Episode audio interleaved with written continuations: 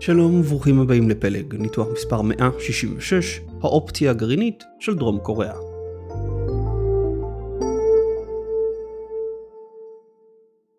ב-12 בינואר 2023 נשיא דרום קוריאה יון סוק יול הטיל פצצה. מטאפורית, בשלב הזה. במהלך מסיבת עיתונאים הנשיא אמר שדרום קוריאה שוקלת נשק גרעיני כאמצעי הרתעה נגד צפון קוריאה. לדבריו, דרום קוריאה שוקלת אם לבנות נשק גרעיני בעצמה או לבקש מארצות הברית לפרוס מחדש נשק גרעיני טקטי בשטחה. ארצות הברית פינתה את כל הנשק הגרעיני שהיה לה בחצי האי הקוריאני ב-1991. הבעיה עלולה להחמיר, והאומה שלנו עשויה לרכוש או לפתח נשק גרעיני טקטי, אמר הנשיא. עד כה, דרום קוריאה הסתמכה על ארצות הברית שתספק מטריה גרעינית נגד איומים מצפון קוריאה. מהצהרתו של יון, שמאוחר יותר חזר בו, עולה כי יש ספקות בסיאול לגבי המחויבות האמריקנית להגן עליה. וסיאול אינה לבדה בדאגה הזו.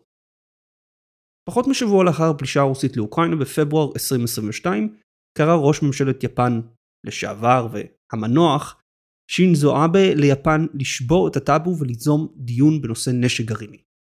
שינזו הציע שיפן תשקול לארח נשק גרעיני אמריקני בהסדר דומה לתכנית השיתוף הגרעיני של נאט"ו. עוד נדבר מה זה אומר. לדעת אבה, אם אוקראינה לא הייתה מוותרת על הנשק הגרעיני שלה ב-1994, סביר להניח שהיא הייתה בטוחה יותר היום. ראש ממשלת יפן הנוכחי, פומיו קישידה, דחה את האמירות של אבא וחזר על מחויבותה של יפן לשלושת העקרונות הלא גרעיניים שלה. יפן לא תחזיק, לא תייצר ולא תאפשר נשק גרעיני בשטחה. מהצהרות הן מיפן והן מדרום קוריאה עולה כי ישנם אנשים בשתי המדינות הבוחנים מחדש את תפקידה של המטריה הגרעינית האמריקנית בביטחון הלאומי שלהן. יפן ודרום קוריאה הן בעלות ברית חשובות של וושינגטון במזרח אסיה, והשיקולים המניעים את דאגותיהן רלוונטיים גם לבעלות ברית אמריקניות אחרות. החלטה של קוריאה הדרומית להשיג נשק גרעיני משלה תאותת למעשה שהיא לא סומכת עוד על המטריה הגרעינית של ארצות הברית. זה יכול להוביל למדינות אחרות שנשענות על המטריה האמריקנית כמו יפן או טורקיה לשקול גם הן פיתוח של נשק גרעיני. אם דרום קוריאה חושבת שההתחייבויות האמריקניות אינן אמינות, מדוע שמדינות אחרות ימשיכו לסמוך עליהן? וזה נכון במיוחד עבור יפן, שמתמודדת עם סביבת איום דומה לדרום קוריאה. ההחלטה של יפן גם תושפע מהתחרות בינה ובין קוריאה, שכן טורקיו לא תרצה שדרום קוריאה תהפוך למעצמה גרעינית, בזמן שהיא תישאר ללא נשק. בשביל לפתח נשק גרעיני, דרום קוריאה תיאלץ לפרוש מהאמנה למניעת הפצת נשק גרעיני, ה-NPT, שעליה היא חתומה. היא לא תהיה הראשונה לעשות מהלך כזה, צפון קוריאה עשתה זאת ב-2003, פרשה מה-NPT כדי לפתח את פצצת האטום הראשונה שלה. אך היא כן תהיה הדמוקרטיה הליברלית הראשונה לעשות זאת. היא כן תהיה השחקן הבינלאומי החשוב הראשון לעשות זאת. דרום קוריאה היא שחקן חשוב בזירה הבינלאומית, אם משום התעשייה המתקדמת שלה, אם משום הפעילות הדיפלומטית שלה. היה ודרום קוריאה תחליט לעזוב את ה-NPT, ללא כל תגובה מהקהילה הבינלאומית, מדינות אחרות עשויות ללכת בעקבותיה כמו איראן או טורקיה. לאור זאת, סביר שהקהילה הבינלאומית תחליט להטיל סנקציות נגד דרום קוריאה, במיוחד בתחום הגרעין. בניתוח היום ננסה לזהות את הגורמים שמביאים את דרום קוריאה לשקול פיתוח נשק גרעיני. נבין מה האופציות הגרעיניות העומדות בפניה, לרבות הגברת שיתוף הפעולה עם ארצות הברית בתחום ההרתעה הגרעינית, בביקור האחרון של יון בוושינגטון בסוף אפריל, הוא וביידן חתמו על שורה של הסכמים בתחום הביטחון, כולל מעורבות גדולה יותר של דרום קוריאה בתכנון ותרגול המדיניות הגרעינית של הברית. האמריקנים מודעים לחששות של הקוריאנים ומבקשים להרגיע אותם, מהסיבה שאם דרום קוריאה תחליט לצאת מהמטריה הגרעינית של הברית, היא לא תהיה האחרונה. הכל בניתוח היום. בואו נתחיל.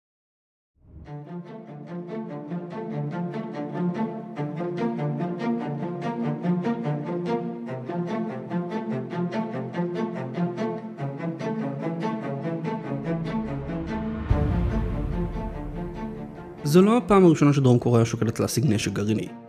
בשנות ה-70, דרום קוריאה ניהלה מחשאי תוכנית לפיתוח נשק גרעיני שהדאיגה מאוד את ממשל פורד. אם דרום קוריאה הייתה מנסה לפתח נשק גרעיני היום, סביר להניח שהייתה מצליחה בהתחשב בידע הטכני ובציוד המתקדם שיש לה, בשילוב תמיכה ציבורית רחבה למהלך. סקר מפברואר 2022 הראה כי 71% מהציבור בדרום קוריאה תומכים בפיתוח נשק גרעיני, 56% תומכים בפריסה מחדש של נשק גרעיני אמריקני על אדמת דרום קוריאה, ואולי הנתון הכי מעניין, כאשר התבקשו לבחור בין שתי האפשרויות, 67% העדיפו ארסנל עצמאי על פני פריצת נשק גרעיני אמריקני. הציבור בדרום קוריאה רוצה את הפצצה. בהתחשב בנתונים הללו, מדוע דרום קוריאה לא פיתחה נשק גרעיני עד עכשיו? דרום קוריאה היא אחת ממספר המדינות שנהנות מהמטריה הגרעינית של ארצות הברית. מדינות אלו קיבלו התחייבויות אמריקניות להגן עליהן, כולל באמצעות נשק גרעיני.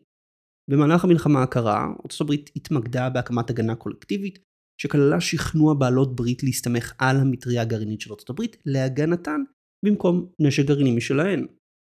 ארצות הברית הבטיחה להגיב בנשק גרעיני עם ברית המועצות, היום רוסיה תתקוף אותן.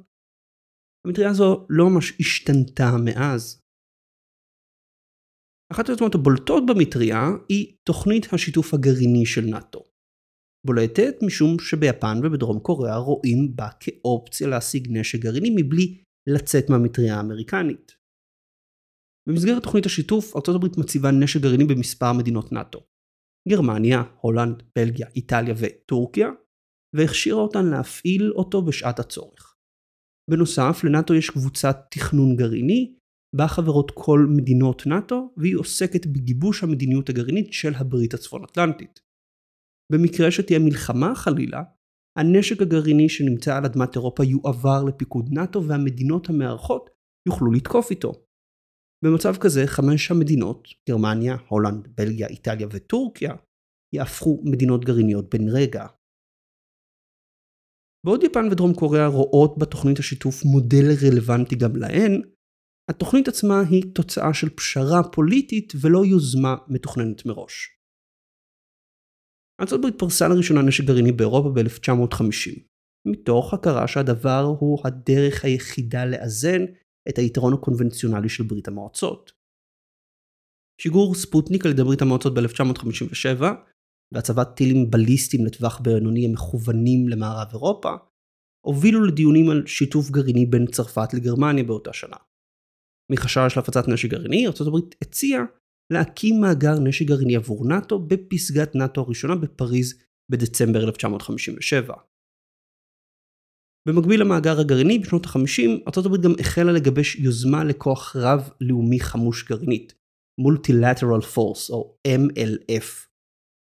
במסגרת היוזמה, כל מדינות הברית יבנו יחד את הפלטפורמות של הכוח, ויתרמו חיילים שיוצבו בו.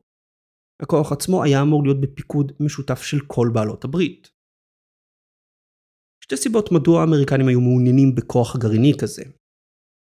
א', לעודד את בעלות בריתן האירופאיות להיות פרואקטיביות יותר בהגנתן, במקום להסתמך רק על המטריה הגרעינית האמריקנית. ב. לחץ מצד מדינות שאינן גרעיניות, במיוחד מערב גרמניה, שרצו חלק בהרתעה ובדוקטרינה הגרעינית של נאט"ו. בתחילת שנות ה-50 גרמניה המערבית שקלה לפתח נשק גרעיני משלה או להשתתף במאמץ כלל אירופי להשגת נשק גרעיני. גרמניה המערבית רצתה פצצת אטום כתעודת ביטוח במקרה של נטישה אמריקנית אפשרית את היבשת. האמריקנים חששו שאם הם לא יאפשרו למדינות שאינן גרעיניות להשתתף בהרתעה הגרעינית של נאט"ו, המדינות האלו ישיגו נשק גרעיני בעצמן. בעוד התמיכה ביוזמה נמשכה בתוך מחלקת המדינה גם תחת ממשל קנדי שהחליף את אייזנהאואר, פקידים בכירים והנשיא עצמו נעשו סקפטיים משתי סיבות עיקריות. ראשית, בסופו של דבר, מי יחליט אם להפעיל את הנשק? מי יחליט אם ללחוץ על הכפתור האדום? כיצד ניתן להבטיח תהליך קבלת החלטות שיכלול גם את כל הצדדים המעורבים בכוח, וגם יהיה יעיל ומהיר מספיק כדי להגיב למתקפה סובייטית? ללא תגובה מהירה הכוח יהיה פחות מרתיע. חשבו על כך שהטנקים הסובייטים היו פולשים לגרמניה המערבית, הקאנצלר, נשיא צרפת, ראש ממשלת בריטניה ונשיא ארצות הברית היו בינתיים מנהלים שיחות האם להפעיל את הכוח, האם לא להפעיל את הכוח, כמה זמן להמתין. שנית, ממשל קנדי התנגד לתת לגרמניה גישה לנשק גרעיני גם במסגרת נאט"ו. הממשל דחה את הרעיון של אצבע גרמנית על הכפתור האדום. ליוזמה גם התנגדו שתי בעלות ברית נאט"ו החמושות בנשק גרעיני. צרפת התנגדה ליוזמה משום שהיא הייתה מחזקת את ההנהגה האמריקנית בביטחון אירופה על חשבון צרפת, וצרפת גם הייתה יורדת בחשיבותה בהשוואה לגרמניה, שהייתה מקבלת גישה לנשק גרעיני. בריטניה התנגדה ליוזמה משום שהיא הייתה מאלצת אותה לוותר על הארסנל הגרעיני העצמאי שלה, שהוא היה חייב להיכנס לתוך הכוח, ומשום שגרמניה הייתה מקבלת גישה לנשק גרעיני. מי שקבר לבסוף את היוזמה היה היורה של קנדי, לינדון ג'ונסון, שהורה למחלקת המדינה להפסיק לקדם את היוזמה ב-1964. ג'ונסון החליט על כך לאור ההתנגדות של בריטניה, ומשום שהייתה חלופה שבעלות הברית האירופיות של ארה"ב כן היו מוכנות לקבל בשמחה, של קבוצה מייעצת, שתאפשר לחברות נאט"ו השונות להשתתף בעיצוב מדיניות הגרעין של נאט"ו. קבוצת התכנון הגרעינית, מי שהיא היום הגוף המרכזי לניהול המדיניות הגרעינית של הברית הצפון אטלנטית, התקבלה כחלופה פחות שאפתנית מהכוח הרב-לאומי שתוכנן לראשונה.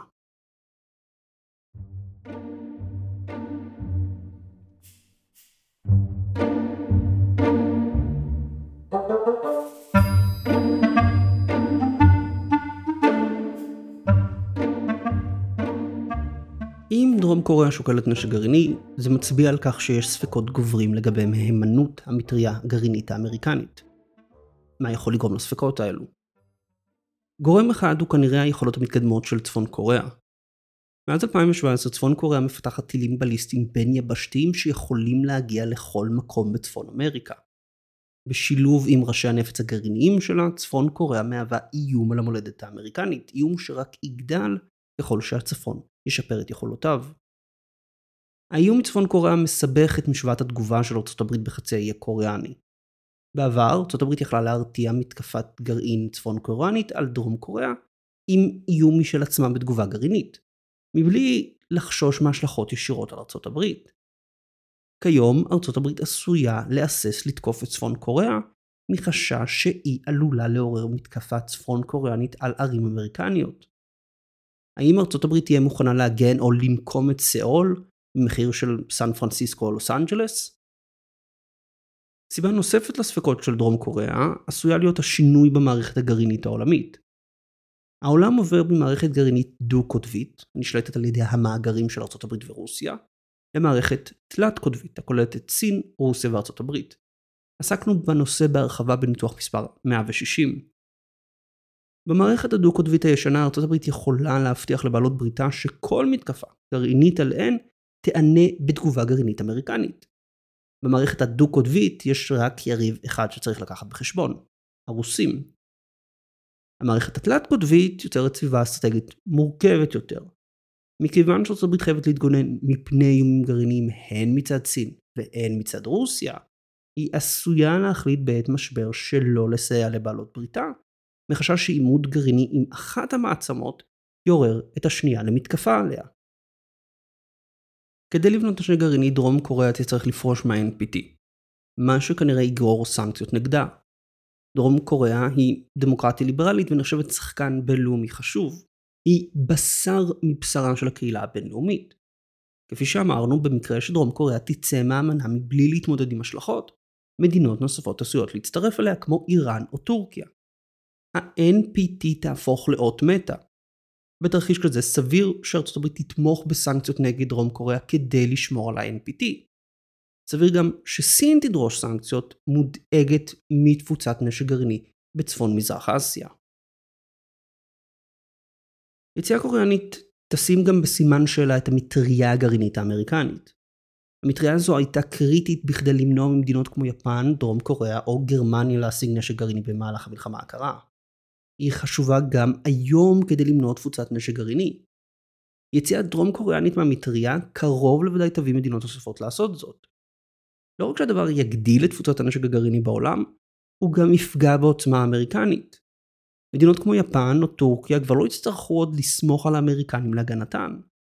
במקרה של טורקיה, התפתחות כזאת תאפשר לה להתרחק עוד יותר מהמחנה המערבי. עם זאת, תוכנית נשק גרעיני אינה האפשרות היחידה של דרום קוריאה. אפשרות נוספת היא חיזוק שיתוף הפעולה עם ארה"ב בגיבוש ויישום מדיניות גרעינית בחצי האי הקוריאני. ההכרזות האחרונות של וושינגטון בשיתוף הפעולה המוגבר בתחום הגרעיני בינה ובין דרום קוריאה היא דוגמה לכך שהאמריקנים מעוניינים ללכת בכיוון של האופציה הזו ועוד נרחיב עליה את הדיבור. אפשרות אחרת, אפשרות נוספת, היא הצבה של נכסים גרעיניים אמריקניים כגון צוללות גרעיניות או טילים חמושים באזור. האפשרות הזו אולי יותר ממשית מהאפשרות הקודמת, משום שמציבים ממש נכסים פיזיים, מציבים טילים בדרום קוריאה, אבל היא כזו שתתרום רק להגברת המתיחות עם סין. ובמקרה של סכסוך בין סין לארצות הברית, יהפוך את דרום קוריאה ליעד למתקפות מנע סיניות. דרום קוריאה נמצאת במרחק של פחות מאלף קילומטרים מבייג'ינג או שנגחאי. טווח קצר מספיק בשביל טילים לטווח בינוני. כלומר, כל טיל גרעיני שהאמריקנים יציבו בדרום קוריאה, בהכרח ייתפס כאיום אסטרטגי על סין. אפשרות רביעית ואחרונה היא שיתוף גרעיני, דומה לזה שיש הברית עם מדינות נאט"ו. הברית תציב נשק גרעיני טקטי בדרום קוריאה, ובמקרה של מלחמה, תאפשר לדרום קוריאנים להפעיל את הנשק בעצמם. אפשרות זו תספק הרתעה מבלי לדרוש מדרום קוריאה לפתח נשק גרעיני משלה. אבל גם כאן הצעד עלול להיתפס כאיום מצד סין, שתחשוש מהצבת נכסים גרעיניים אמריקנים כל כך קרוב אליה. וושינגטון לא יכולה להתעלם מהחששות של דרום קוריאה. אם דרום קוריאה תחליט ללכת ולהשיג נשק גרעיני בעצמה, היא תפגע במשטר הבינלאומי למניעת תפוצה של נשק גרעיני ותפגע בעוצמה של וושינגטון. מצד שני, וושינגטון לא רוצה להציב נשק גרעיני טקטי כל כך קרוב לסין. מה ארצות הברית יכולה לעשות?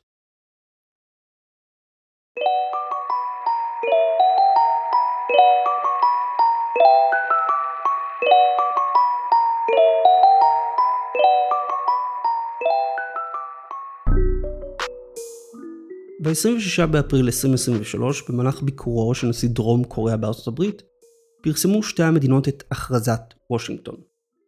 במסגרת ההכרזה הברית שבה וחזרה על המחויבות שלה לביטחון דרום קוריאה, ועוד דרום קוריאה שבה וחזרה על המחויבות שלה לאמנה למניעת הפצת נשק גרעיני. שלוש נקודות מרכזיות מההכרזה. נקודה ראשונה, ארצות הברית מחויבת להגן על דרום קוריאה וכל מתקפה גרעינית מצפון קוריאה תענה בתגובה מהירה, נחרצת והחלטית. ארה"ב מחויבת להשתמש בכל היכולות הקיימות לה, כולל נשק גרעיני, בכדי להגן על דרום קוריאה. נקודה שנייה, ארצות הברית תגדיל את הנוכחות של נכסים אסטרטגיים בדרום קוריאה, אך לא תפרוס מחדש נשק גרעיני בחצי האי הקוריאני. המשמעות היא יותר ביקורים של נכסים אסטרטגיים, כמו צוללות חמושות גרעינית או מפציצים אסטרטגיים. הם יבואו ויבקרו במדינה, אבל הם לא יישארו בה. נקודה שלישית, דרום קוריאה אישרה מחדש את המחויבות לאמנה למניעת הפצת נשק גרעיני, ולשיתוף הפעולה עם ארצות הברית על שימוש בדרכי שלום בלבד באנרגיה גרעינית. כדי לוודא שההכרזה לא תישאר רק מילים, במהלך הביקור נחתמו מספר הסכמים בתחום הביטחון שמטרתם חיזוק שיתוף הפעולה בין המדינות. כך לדוגמה, תוקם קבוצה מייעצת גרעינית שתורכב מנציגים משתי המדינות, ותתמקד בתכנון ושיתוף פעולה בכדי להתמודד עם האיום הגרעיני הצפון קוריאני. תשופר התקשורת והתיאום בין היכולות הצבאיות האסטרטגיות המתפתחות של דרום קוריאה, במיוחד נשק בליסטי, לבין הפיקוד המשותף של דרום קוריאה וארצות הברית. יערכו תרגילים צבאיים משותפים וסימולציות בין כוחות דרום קוריאה והפיקוד האסטרטגי של ארצות הברית. כלומר, תרגול תרחישי מתקפה גרעינית. והשתתפות של אנשי צבא דרום קוריאנים בתרגילים וקורסים של משרד ההגנה האמריקני הקשורים לנשק גרעיני. הדבר אמור לשפר את ההבנה שלהם באסטרטגיה גרעינית ולעזור להם לעבוד טוב יותר עם האמריקנים בעיצוב ההרתעה בחצי האי, כולל הפעלה משולבת של כוחות קונבנציונליים וגרעיניים. הצעדים האלו הם המימוש בפועל של הכרזת וושינגטון, והם נועדו לתת לדרום קוריאה מעמד דומה למדינות נאט"ו. מאפשרים לה להיות חלק מעיצוב מדיניות הגרעין של וושינגטון בחצי האי הקוריאני. ההסכמים גם מחזקים את השילוב של כוחות קונבנציונליים וגרעיניים, ומעבירים את המיקוד של ארה"ב ודרום קוריאה מהרתעה גרעינית בלבד נגד צפון קוריאה, להרתעה רב-מימדית. וזו התפתחות חשובה. המיקוד של דרום קוריאה בהשגת נשק גרעיני כדי להרתיע את הצפון מתעלם מכך שנשק גרעיני הוא לא בהכרח הדרך הטובה ביותר לעשות זאת. הסתמכות על כוח גרעיני בלבד לא תפתור את האיומים הניצבים בפני דרום קוריאה. להפך, זה עלול להחמיר אותם. כוח גרעיני לבדו לא גמיש מספיק. ללא כוח קונבנציונלי חזק, מדינה עלולה להיכלא במה שכינינו בחירת הופסון של הנשק הגרעיני. כפי שדיברנו בעבר בניתוח מספר 153, נשק גרעיני לכאורה יוצר בחירת הופסון עבור מנהיגי מדינה, או להימנע ממלחמה כוללת, או לעמוד בפני השמדה. בחירת הופסון היא כינוי לבחירה שאינה באמת בחירה, אף אחד לא יבחר בהשמדה.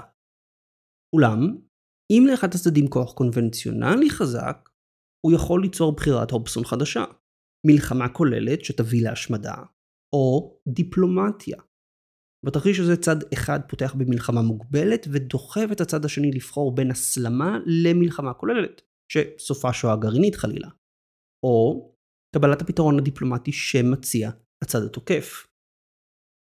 הצבא הסדיר הגדול של דרום קוריאה מאפשר לה כיום להגיב לפרובוקציות מהצפון עם פריסת כוחות רגילים. הצפון יודע שעל כל הסלמה שלו, כגון פריסת כוחות בגבול, דרום קוריאה תפרוס כוחות משלה. במקרה של התנגשות מוגבלת בין הצדדים, סביר שהדרום יצא מנצח הודות לעליונות הטכנולוגית שלו. אם צפון קוריאה תשתמש בנשק גרעיני כדי לפגוע ביתרון הקונבנציונלי של הדרום, היא תסתכל במתקפה גרעינית אמריקנית והשמדתה. הצבא הרגיל של דרום קוריאה הוא שמבטיח שהצפון ישתמש בנשק גרעיני רק במקרה והוא יחשוש לקיומו. לדוגמה, אחרי תבוסה מוחצת במלחמה קונבנציונלית נגד דרום קוריאה וארצות הברית. על ידי התמקדות הן בהרתעה קונבנציונלית והן בהרתעה גרעינית, ביכולתה של דרום קוריאה להגן על עצמה טוב יותר מפני תוקפנותה של צפון קוריאה, מבלי להסתמך רק על נשק גרעיני. חיזוק היכולות הקונבנציונליות ושיתוף הפעולה עם ארצות הברית מבטיחים גישה מאוזנת ויעילה יותר לשמירה על היציבות בחצי האי.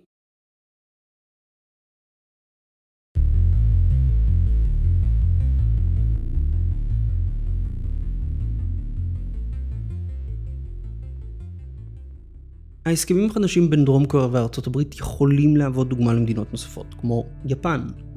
גם אם טוקיו ארצות הברית יכולה לשפר את שיתוף הפעולה בתחום הגרעין בפרט ואת שיתוף הפעולה הביטחוני בכלל. זאת תהיה דרך פשוטה יותר להרגיע את החששות של טוקיו ולמנוע גם ממנה לשקול נשק גרעיני. ההידוק של היחסים הביטחוניים בין דרום קוריאה וארצות הברית יכולים להשפיע על יחסי המדינות גם בתחומים אחרים, במלחמת השבבים בין סין וארצות הברית, דרום קוריאה היא שחקן חשוב, כאשר לדרום קוריאה יכולות ייצור וציוד מתקדמים. אם הקוריאנים החליטו גם הם להטיל הגבלות על ייצוא שבבים לסין, זאת תהיה פגיעה קשה נוספת בסין, שתבוא אחרי הגבלות הייצוא של הולנד ויפן. הידוק היחסים הביטחוניים בין וושינגטון וסיאול ייצור ערוצי השפעה חדשים לאמריקנים, רשמיים ולא רשמיים. הרי מה המשמעות של תרגילים משותפים והקבוצה המייעצת החדשה? שהתדירות בה ייפגשו אנשי צבא וביטחון קוריאנים עם עמיתיהם האמריקנים צפויה לגדול. רשמית הם ידברו על הרתעה גרעינית. אבל בהפסקת הקפה בין דיון אחד למשנהו, בפגישות בשולי הוועדות, כנראה שגם על סין והמאבק הטכנולוגי בין וושינגטון ובייג'ין. קרוב לוודאי שהנשיא ביידן והנשיא יון דנו בזה בפגישתם בוושינגטון. ככל שהיחסים בין המדינות יתהדקו, כן סין תהפוך סוגיה יותר חשובה ביניהן. תודה לכם על ההקשבה.